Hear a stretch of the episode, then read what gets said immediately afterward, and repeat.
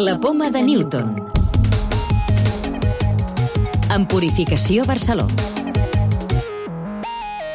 Investigadors catalans han aconseguit reproduir en un xip la barrera hematoencefàlica que protegeix el cervell per poder estudiar en laboratori malalties neurodegeneratives com l'Alzheimer.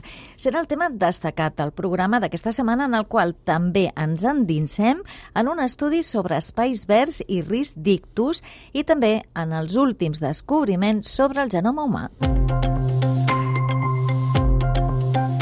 Un estudi liderat per l'Institut de Bioenginyeria de Catalunya, IBEC, ha aconseguit desenvolupar en un xip el funcionament de la barrera hematoencefàlica.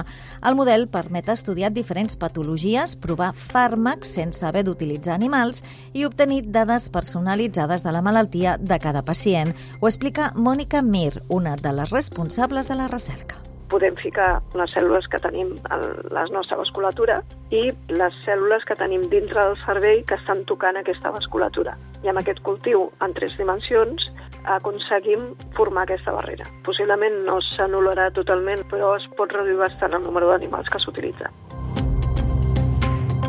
Un dels objectius és per estudiar fàrmacs. És molt difícil poder passar fàrmacs que entren per la sang cap al cervell 9 de cada 10 fàrmacs que es proven en animals després en humans no funcionen. I és un avantatge que tindria el xip perquè nosaltres cultivem cèl·lules humanes. Hem fet alguna prova amb un fàrmac enfocat en Alzheimer. També estem treballant actualment en introduir també neurones en, en el xip, fer-ho més complexa per també modelar l'enfermetat d'Alzheimer. Tenir un model molt més complex d'Alzheimer tenir com tota la imatge d'aquesta malaltia dintre d'un xip serà molt útil també per investigar el que és la, les malalties neurodegeneratives. Una petita part del cervell podria ser reproduïda dintre del xip. L'estudi compta amb la participació de la Universitat de Barcelona, la Universitat de Xile i el Centre Avançat de Malalties Cròniques de Xile. Viure a menys de 300 metres de zones verdes redueix un 16% el risc de patir un ictus isquèmic, el més freqüent dels accidents cerebrovasculars. És la conclusió de l'estudi més important fet fins ara a Europa sobre aquesta qüestió, elaborat per investigadors de l'Institut Hospital del Mar d'Investigacions Mèdiques, de l'Hospital del Mar, de l'Agència de Qualitat i Avaluacions Sanitàries i d'Isglobal. El contaminant més perillós en relació amb el risc d'ictus seria el diòxid de nitrogen.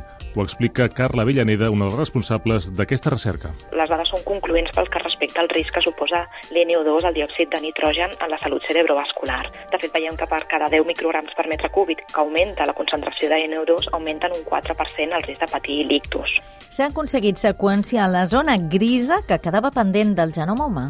Això vol dir que ara sí que se'n té el 100% seqüenciat.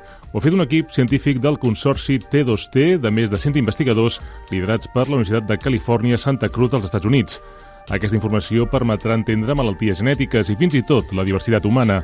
Eduardo Tizano és el cap de l'àrea de genètica de l'Hospital Vall d'Hebron. Para interpretar lo que le pasa a las personas que tienen una enfermedad genética, va a ser de gran ayuda. Y además va a ser de gran ayuda para el estudio de todo el genoma en el cual tengamos que ver diferencias de susceptibilidades de individuos de una población y de otra. Més de la meitat dels afectats d'epilèpsia resistent als tractaments pateixen també depressió o ansietat. És el que es deriva d'un estudi de la unitat d'epilèpsia de l'Hospital del Mar, el més ampli fins ara fet sobre la relació entre aquesta patologia i altres trastorns.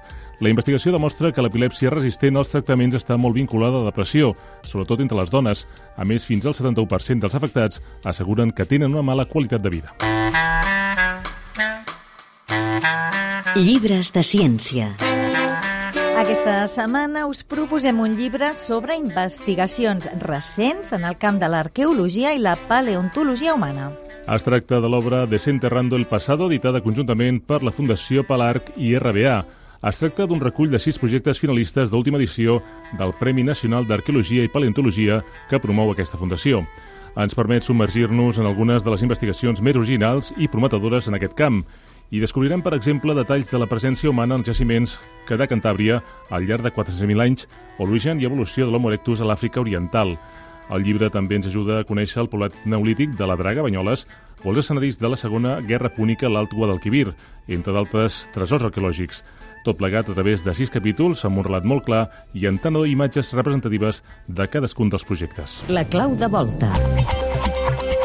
Què és exactament una superlluna? Salvador Ribas, director científic de l'Observatori del Montsec. Una lluna plena que es troba a la posició propera de la Terra dins de la seva òrbita. Hem de pensar que la lluna dona voltes al voltant de la Terra amb una òrbita elíptica i hi ha moments que per tant està més a prop i hi ha moments que està més lluny. Si en aquests moments que està més a prop coincideix doncs, en lluna plena, és quan s'utilitza aquest terme popular, diguem-ne, doncs, que no és un terme científic, però que s'ha esdevingut doncs, ja molt popular, el terme de superlluna. Recordeu que podeu descarregar-vos el podcast de la Poma de Newton o subscriure-us al programa per rebre'l directament als vostres dispositius.